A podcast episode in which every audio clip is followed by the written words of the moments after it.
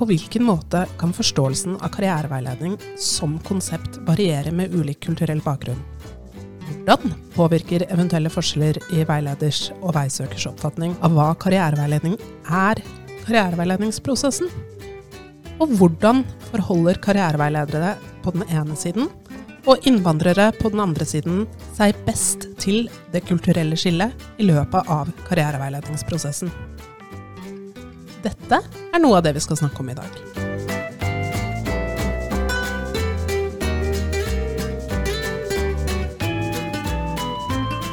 Hei, og velkommen til Veilederforumpodden. En podkast fra Direktoratet for høyere utdanning og kompetanse. Mitt navn er Mari Torbjørnsrud, og jeg er en av fagredaktørene for veilederforum.no, et nettsted for deg som veileder om utdanning, jobb og karriere. Når du jobber med å veilede innvandrere eller flyktninger, møter du mennesker med ulike bakgrunner og ulik kultur i bagasjen. Hvordan kan du møte mennesker fra andre kulturer på en god måte, som sikrer at utbyttet av karriereveiledning blir best mulig? I dag er vi så heldige å få møte forskeren og forfatteren dr. Gideon Arulmani. Han er klinisk psykolog med doktorgrad i karrierepsykologi, og er professor ved Martin Luther University i India. I tillegg så er han grunnlegger av The Promise Foundation, med sete i Bangalore, og jobber for ulike FN-byråer, som Den internasjonale arbeidsorganisasjonen og UNICEF på karriereveiledningsfeltet. Han har også besøkt Norge ved flere anledninger de siste årene, og holdt foredrag og seminarer ved flere norske universiteter og kommuner. Professor Al-Rumani har også skrevet boken Career Counseling a Handbook.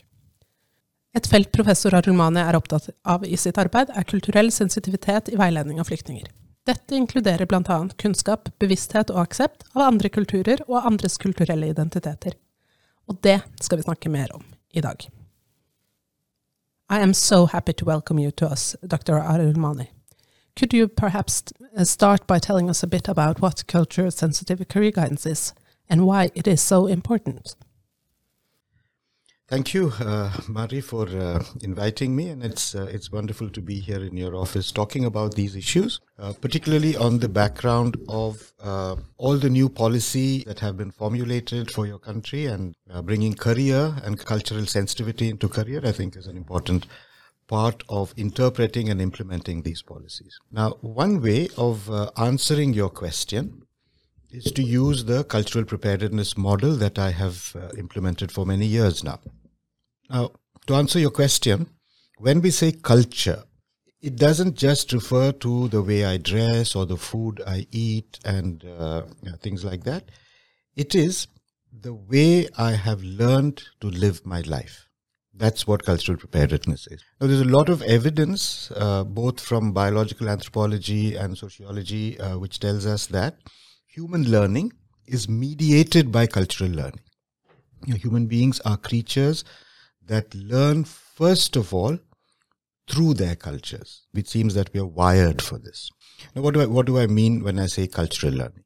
When we say cultural learning, it is a form of learning that goes beyond any kind of genetic wiring that we have. It goes beyond that. It even goes beyond formal, pedagogical, instructional frameworks. So cultural learning is something that happens outside the formal uh, teaching learning structures of any society. So it is an unconscious absorption of cultural practices resulting from the child's immersion in a certain culture. So for example, just to go back to something you said just now about the parade that uh, is going to happen on the 17th of May, I was really struck when you said that because you also said that uh, children who have been, because of the pandemic, you haven't had the parade for two years nearly. So the children who are going to see the parade have not had the cultural experience of the parade. Yeah. Right? You have. Yeah. Your mom and dad took you there and it's a wonderful experience and it, you go up to the castle, you can see the king and you know, so it's part of your upbringing. So the word I use for that is you have been enculturated into this beautiful aspect of the Norwegian way of life. That is cultural learning. Yeah. yeah? Uh, it, your teacher didn't sit you that down and say, here, this, you have to stand like this in the parade and nothing. It's mom and dad took me there. It was so exciting. That is cultural learning. Yeah? So it's unconscious and therefore it is deep. It's there in your heart and in your mind. That is what I mean when I say culture mediates human learning. Now, again, a point to be kept in mind over here is regardless of the culture, this type of learning is usually one way where you watch and you observe and you learn. You're not taught it. You're not taught to say this is the right way. It's just a part of, your cultural psyche, as it were. It's also not part of our rational thinking. Supposing someone came and said that uh, this parade is all nonsense, you know, the waste of time. I would not pause to think and rationalize about it. I would say, no, it's beautiful, it's wonderful, it's part of my life. So that level of learning is beyond reason. To take a much bigger example, it's a belief in God. Now, maybe there is proof, maybe there isn't proof uh, for whether God exists or not, but I believe. This level, this type of cultural learning is meta rational, so to speak, and I will commit myself. So, now actually coming to the uh, point of uh, your question, if this is uh, what cultural learning is about, and if this is the influence our cultures have on our learning, it also means that our culture has influenced our orientation to work, to education, to job and career. So the way I understand how I make a career choice is influenced by my culture. If I've been brought up in an environment where I have consistently from childhood learned that I must make the decision, this decision also about whether I should take this track or another track would be self mediated. But if I have been brought up in a culture which says that the society decides, mother and father, or perhaps grandfather and grandmother decide, then decision making is uh, really not in my hand. It's almost uh, a conditioned response to say I ought to be studying these kinds of subjects. So if we say that career choice at its heart is a decision making process, uh, then how I make decisions has been influenced by my culture.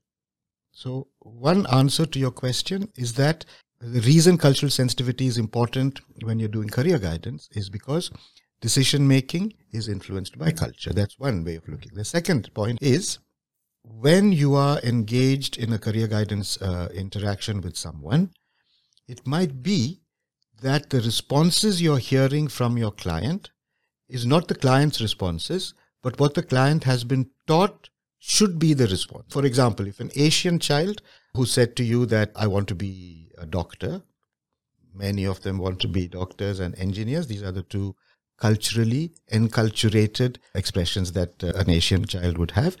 The counsel should ask herself, you know, is this Ramesh's view? Is it Abdul's view? Or is it what his community expects of him? Because of these two enculturative processes, bringing cultural sensitivity into career guidance is of very great importance. I think it's uh, really interesting that you brought in the example of the 17th of May. And I think it's uh, through that uh, the pandemic has uh, changed how uh, the children get to know uh, the Norwegian cultural framework. Yeah, yeah. In 2019, the Directorate for Higher Education and Skills launched the National Quality Framework for Career Guidance, as you know, Gideon.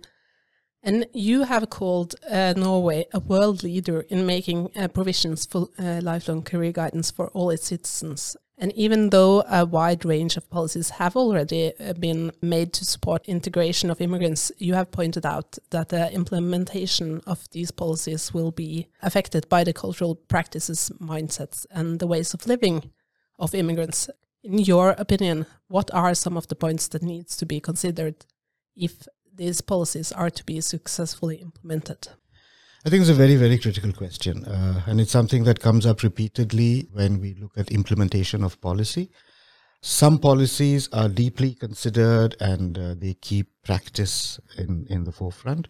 Other policies live in an ivory tower, you know, where uh, it hardly ever reaches down to the to the common man. But when I say Norway is a world leader, and, and I'm, I'm not just meaning it in terms of the recent policies. If you even go back eight, nine years, you find that the way in which policy has been formulated in your country is user centered, not just politically uh, motivated. I, mean, I would stand by this statement of uh, you being a world leader in making provisions. Now, I'd like to stay within this theoretical model of cultural preparedness And the word that I used uh, in my previous conversation with you was the word enculturation. Now, enculturation is the process whereby I become my culture.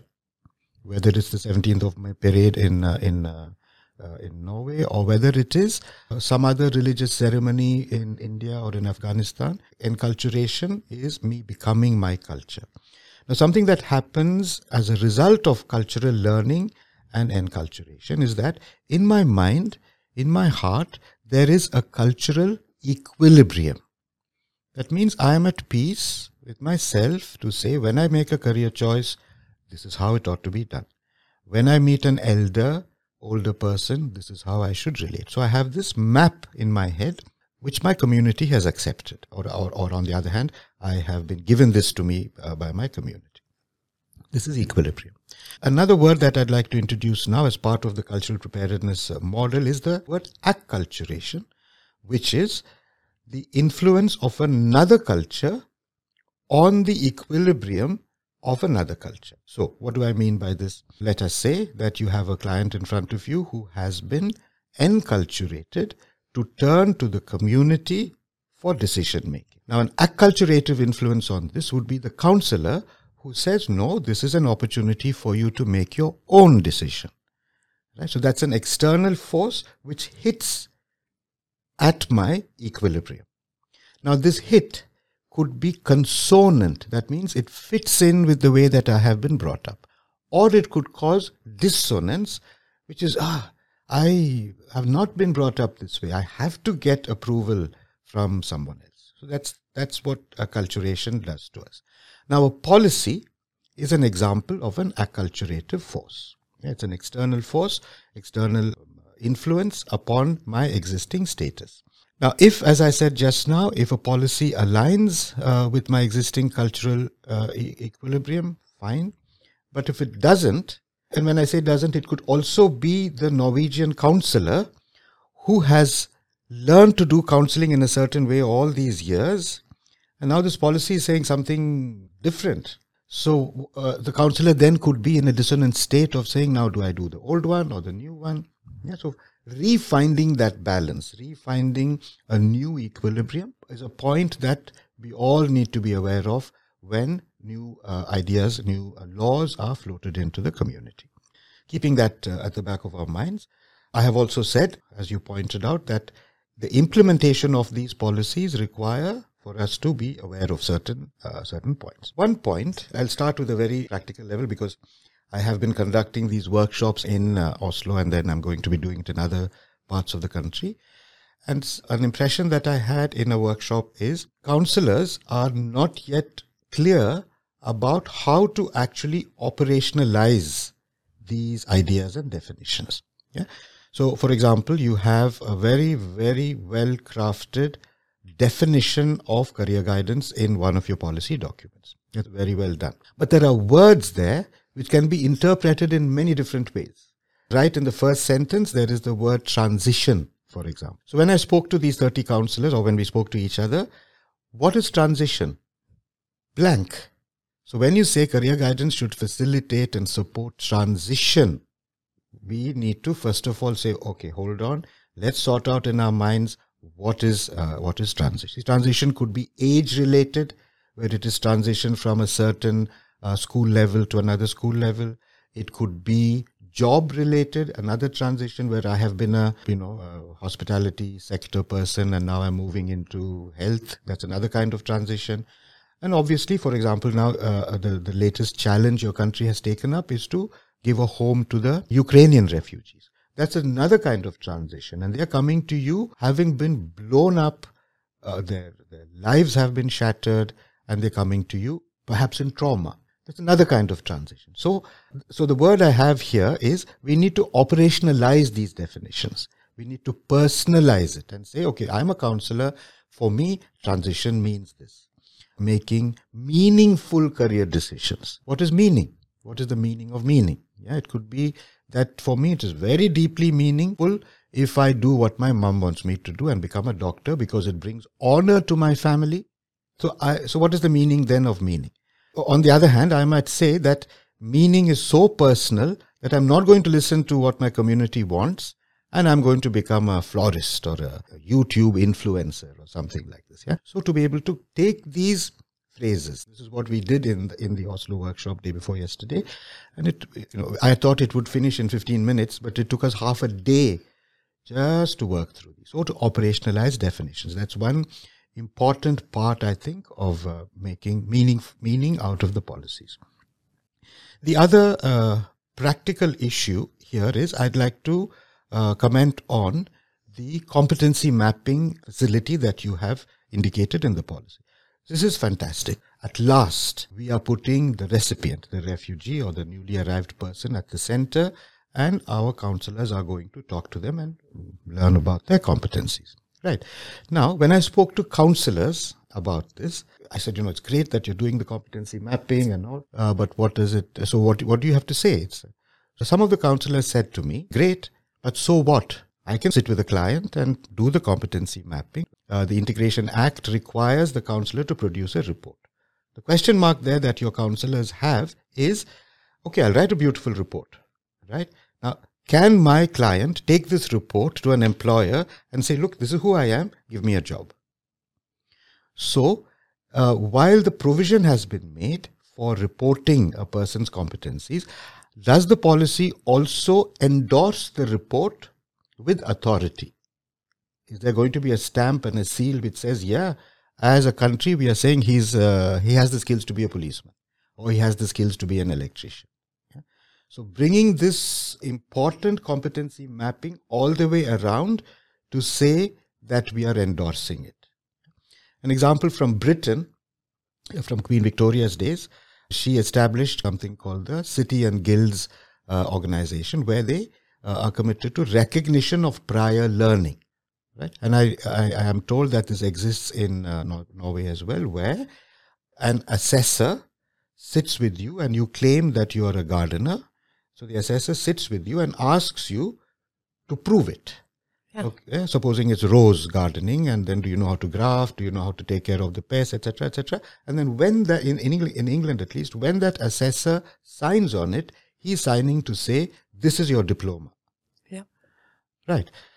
So, uh, can we bring a uh, can we bring that authorization, you know, the endorsement of a counselor's uh, opinion to a point where see see the main preoccupation that you have is to shortcut the job finding process, isn't Mm. it? For me, if the competency mapping is left as it is as a beautiful report, we are not shortcutting it. Mm. Yeah. So that element, perhaps, you know, uh, I don't know enough, but maybe that needs to be discussed uh, a bit more. So that's the other thing. The third point, with regard to making policies work, is that implementation of policy is a bi-directional effort. Now, what do I mean by bi-directional? We have been tasked with implementing the policy. We've been trained to understand the client and you know client-centered counseling and the Rogerian model. All you know, so we, we know how to do that. But when I, when I say reciprocity, when I say bidirectionality, am I also skilled enough to say, ask myself, what can I learn from the client? That's when the the rapport actually uh, occurs. Otherwise, you're this benevolent donor of something like you're a gift giver. But are you a gift taker as well? So, I mean, you have the famous statement, it's more blessed to give than to receive. I'm asking our counselors here to think about it's also important to receive in order to give. Mm. Yeah? Uh, a challenge, a personal challenge that you can take up is very fundamental issue to to help uh, refugees and others here is for them to learn the language. Without Norwegian, some level of fluency, all this is going to fall on its face. So yeah, we want them to learn and there are issues associated with that. A question that comes along with this is as an exercise in becoming empathic, as an exercise in, in, uh, in integration in a real sense, am I willing to learn the Syrian language? Because I have so many Syrian clients. Not simply hello, how are you, and uh, you know, but really put in an effort, go to YouTube and learn it. It's only when you get the phrases and the language and the idiom of your uh, client language that you can truly connect with them. Right? So those were three uh, points I had. Now the, the overall thing that is this big question of uh, integration versus assimilation. It's the integration uh, act, isn't it? So the intention is integration. And what is integration? Integration is the mosaic picture where there is a picture, it's a single picture, but the picture is made up of little, little bits, all of which retain their identity and uh, there is coming together, but at the same time, spaces between us. This is the concept of integration. What is the assimilation concept? The melting pot. So we all go into the pot and there is no identity left. And now, with the assimilation intention, as we all know, uh, what happens is the weaker culture. And when I say weaker, I mean it in terms of its power in a particular context. It's the more submissive culture that has to blend in with already what exists. Yeah? So there is loss of identity, more or less. With integration, it is uh, retention of identity.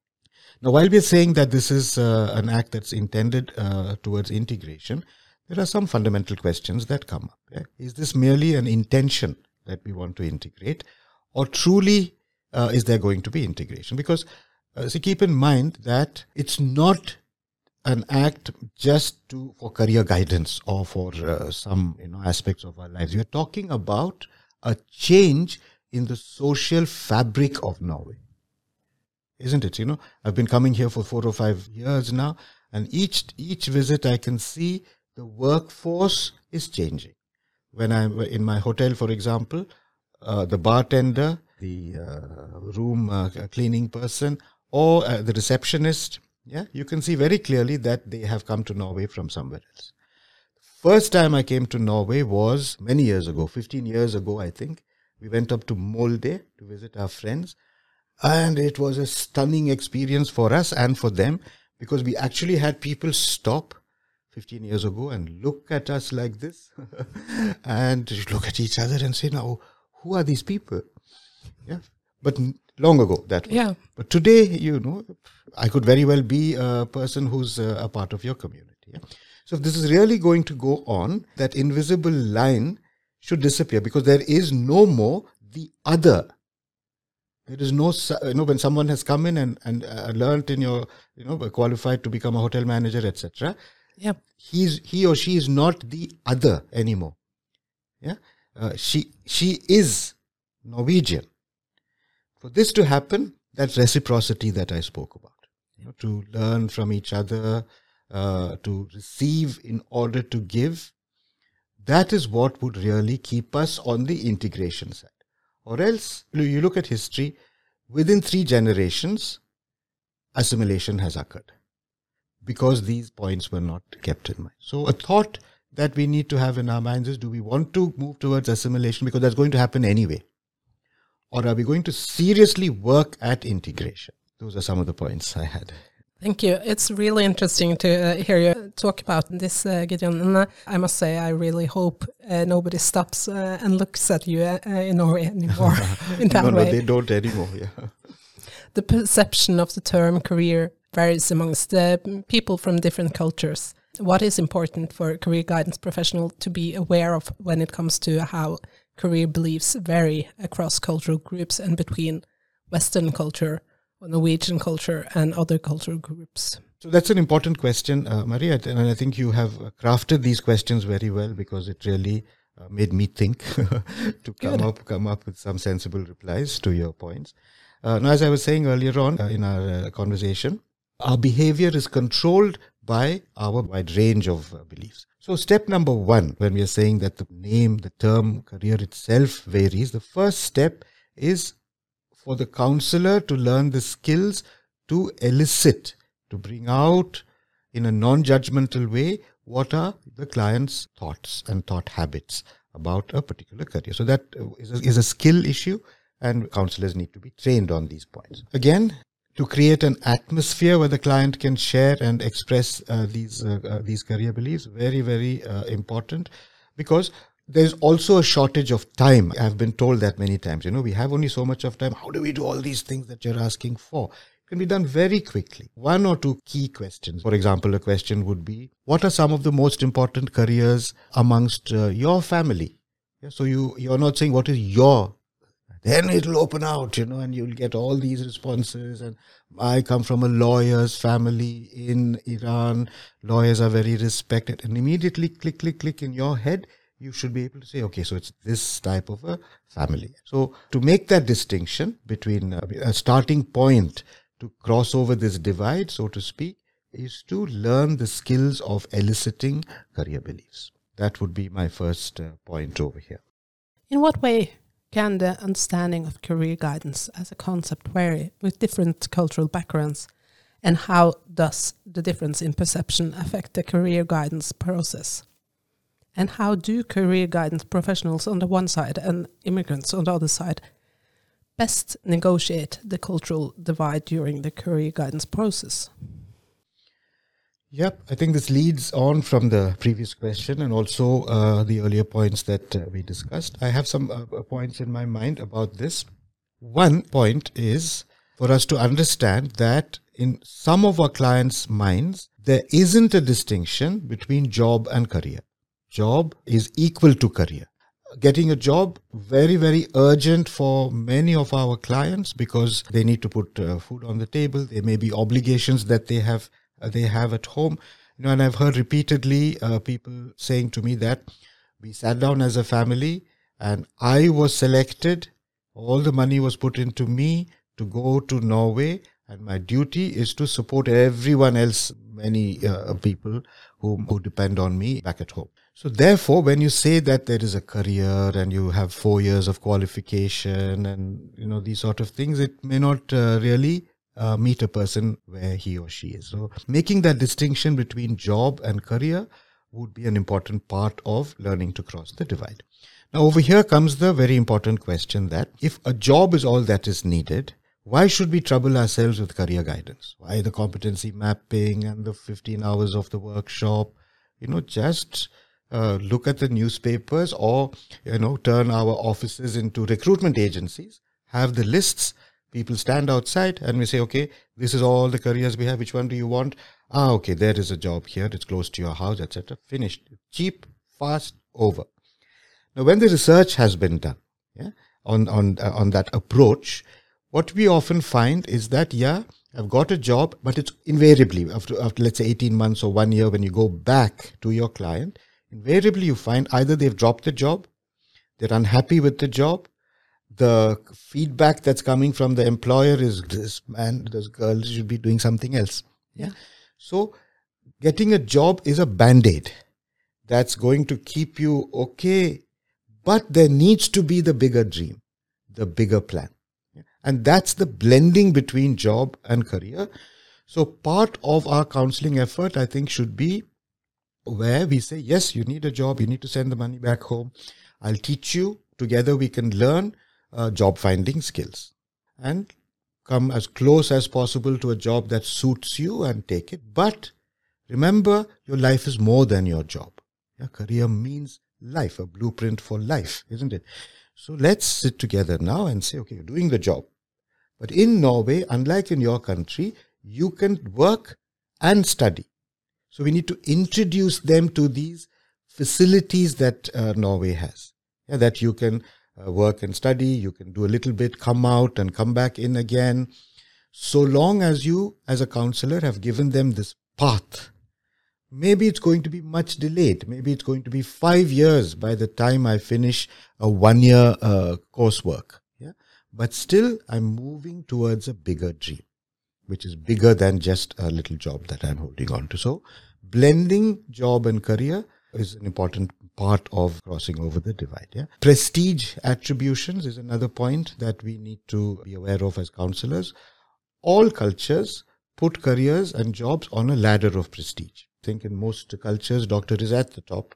Uh, I don't know why, uh, but you, uh, teacher is somewhere in the middle and all the blue collar ones, bricklayer, and all of them go to the bottom. Uh, we need to be aware of this, and we also need to be aware of it uh, from a historical point of view because when we look at the evolution of work, let's say you start with the Industrial Revolution and you go on, what you find historically is that as a country develops, its citizens move higher and higher up the prestige ladder, which means the bottom jobs, bottom of the pyramid, as it were, are vacant So sociologists have often said that industrialization is possible only when there is an immigrant inflow to take up those menial, so to speak, menial jobs. Yeah? Now here, fine, somebody needs to drive the taxi. Somebody needs to drive the buses and do these so-called low-level jobs. But this, it should be a churning where the bus driver of today becomes someone else and someone else and moves up. That is for me really integration. I've interviewed people in Canada, for example, a medical doctor from India, high level medical doctor, driving a taxi. He took the taxi job to put the food on the table, exactly what I said. Yeah? Yeah. Then he said to me, Look, Gideon, I had to do it. I had to put food on the table. My degree from uh, from India was not recognized in Canada, but you know how long I've been doing this for 15 years.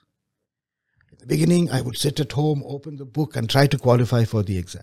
But after driving a taxi the whole day, and then coming home and taking care of the children and helping with the dishes at home and all, no energy. So I've given up. Story after story like this.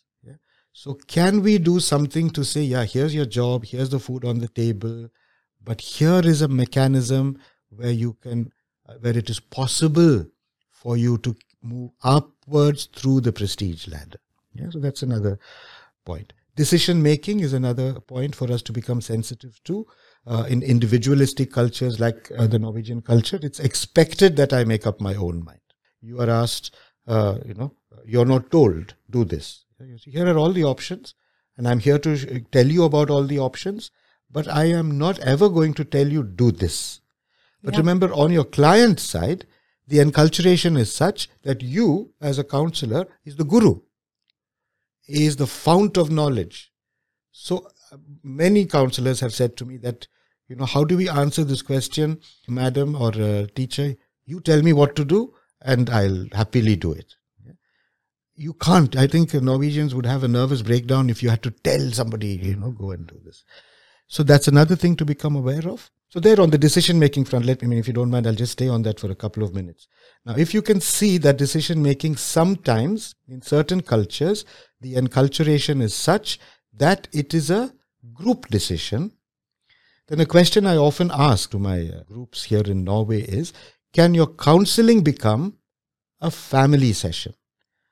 and you rethink in your mind to say my index client is not an individual but it includes his mother and father.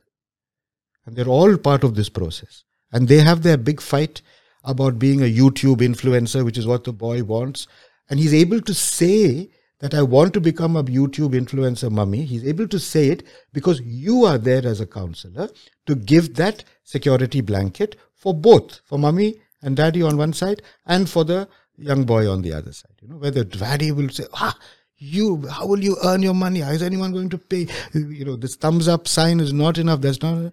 And then you might slowly intervene and say, as a counselor, uh, sir, we've we've spoken a lot about this, and I really think your son could do, for example, media studies and learn about communication, and then become a YouTube uh, person. Then the family might sit and think, oh, okay, maybe the university degree will come, you know. So to bring them together, and when they leave, they leave as a happy unit.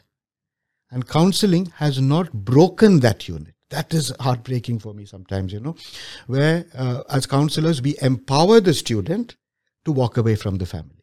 Yeah, you told me before that family counseling is something you do quite a lot yeah. of in uh, India. Yeah, yeah. Even in India, even in this, uh, you know, uh, so-called collectivist culture of ours, what we know again from sociological research is that as affluence increases, collectivism decreases. Yeah, can, because now you can do it on your own. Yeah? And in middle and upper middle class families, uh, in in our cultures as well, the bond between families is slowly weakening, and children are saying things which are impractical to become a rock star and YouTube influencer and all. Wonderful, yeah. You be a rock star, but until you become a rock star, be an accountant. you know that will keep mommy and daddy uh, at peace, and the, you know, it's not keeping them at peace as much as securing your financial status. And then you play, you have your musical group, and you hit the streets, do everything. You might become a rock star. You might earn much more than uh, everyone else. Fine, but keeping that bond, keeping father and uh, son and mother together is, uh, is something that for, for us in uh, many different countries, this has really worked. Just a couple of other points. Uh, one is many cultures would come to you expecting career guidance to be psychometric, where you give a test, you get a result, and you're able to say, I am so much better than you. I, I'm on the 95th percentile for analytical logical skills, uh, whereas uh, my friend is only on the 82nd percentile. This is deeply uh, ingrained in many uh, psyches. You know, in, in India, we do, didn't want to do very much of psychometry, and we lost business because uh, family started saying, "Where is the test result?" So they might come to you expecting psychometry, whereas what you are offering is career learning. So to be aware, for me, career learning is far more. I mean, psychometry perhaps somewhere along the way, some uh, you know questionnaire that you could do or something. But what you're doing here, what we are aiming, and I am fully on that side, is preparing the student, the young person, to self-mediate the labor market. That is uh, career learning. Yeah. So that could be a point of conflict where they, you know, I've I've had people here say to me that we did you go to the career counselor? Yeah, yeah, we spoke a lot, no use. why is it no use? You know, they are talking, you know, of uh, my interests and all that. They are not showing me what my interests are. There's no test result. So, for us to become aware of that and win the family uh, over to the career learning side. Advice giving, as I mentioned it earlier on, they come to you expecting advice. It's, uh, it's careers, the, the teacher knows. Teacher will tell me, this is what is best for you. So the responsibility is on someone else's shoulders. Here you're bang putting the responsibility on my shoulders. So those would be some important points perhaps that you could uh, keep in mind. Thank you.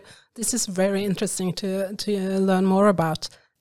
In the Norwegian framework of career guidance, seven competencies standards are addressed. In your opinion, what are the competencies required to facilitate culture sensitive career guidance?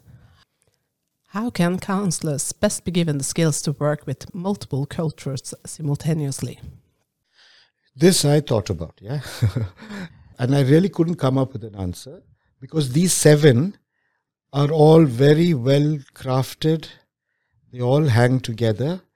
Perhaps, you know, the one which says skills for uh, target groups and context, perhaps that answers your question very straightforward to say uh, culture sensitive means you need to be skilled with understanding your target group. But I wasn't really satisfied with that answer for myself because for me, all seven are important. Therefore, all seven need to be infused with culture sensitive uh, methods and techniques and, and, and culture sensitive thinking. Because if you take the word competency of ethics, for example, yeah, this is a really sticky ground where uh, confidentiality is an important pillar upon which uh, some ethical uh, frameworks stand. Now, in certain cultures, confidentiality is not important. It could very well be that uh, the mother wants to know what her son said. So, what did my son say? Is he going to become an engineer? Tell me. what will you do then? As a, will you say, No, I can't tell you? Yeah, in Norway you would. You Norway you would, isn't it? So then the question of ethics then becomes becomes dysfunctional almost. Because then what is happening? You're driving the mother away from you, saying, "Oh, he went and said something to her, which I don't know about." You see, so infusing cultural thinking, culture sensitive thinking into all our seven competencies. That's the way to go rather than picking out one. If you want me to pick out one, it's the target groups and the context. But I think to build on the seven competencies, so we could say there's an eighth competency, which is cultural sensitivity. But then again, it's not an external thing that you suddenly, that you know cultural sensitivity and I don't. Yeah. Yeah. It's the salt or the yeast in this bread yeah. of all the seven, uh, the seven loaves that uh, and we need to infuse uh, cultural sensitivity to all of Thank you. It's been very interesting to hear your thoughts about uh, both the Norwegian cultural and the Norwegian quality framework, which we have uh, been uh, working quite hard on. Yeah, yeah, I can I can see that. uh, and I'm so happy you could come here and talk with us uh, today. Thank you. My pleasure. Hvordan karriereveiledere best kan møte innvandrere og flyktninger, er alltid viktig. Men temaet har blitt mer aktualisert av krigen i Ukraina. I år tar Norge imot mange flere flyktninger enn på flere år. Dette betyr at det blir enda viktigere at flyktningene som får tilbud om karriereveiledningstjenester, blir møtt på en mest mulig profesjonell måte. Karriereveiledning og karrierelæring er avgjørende elementer i integreringsprosessen. Jeg håper at dere som hører på, har blitt inspirert av å høre dr. Gideon Arulmani snakke i dag.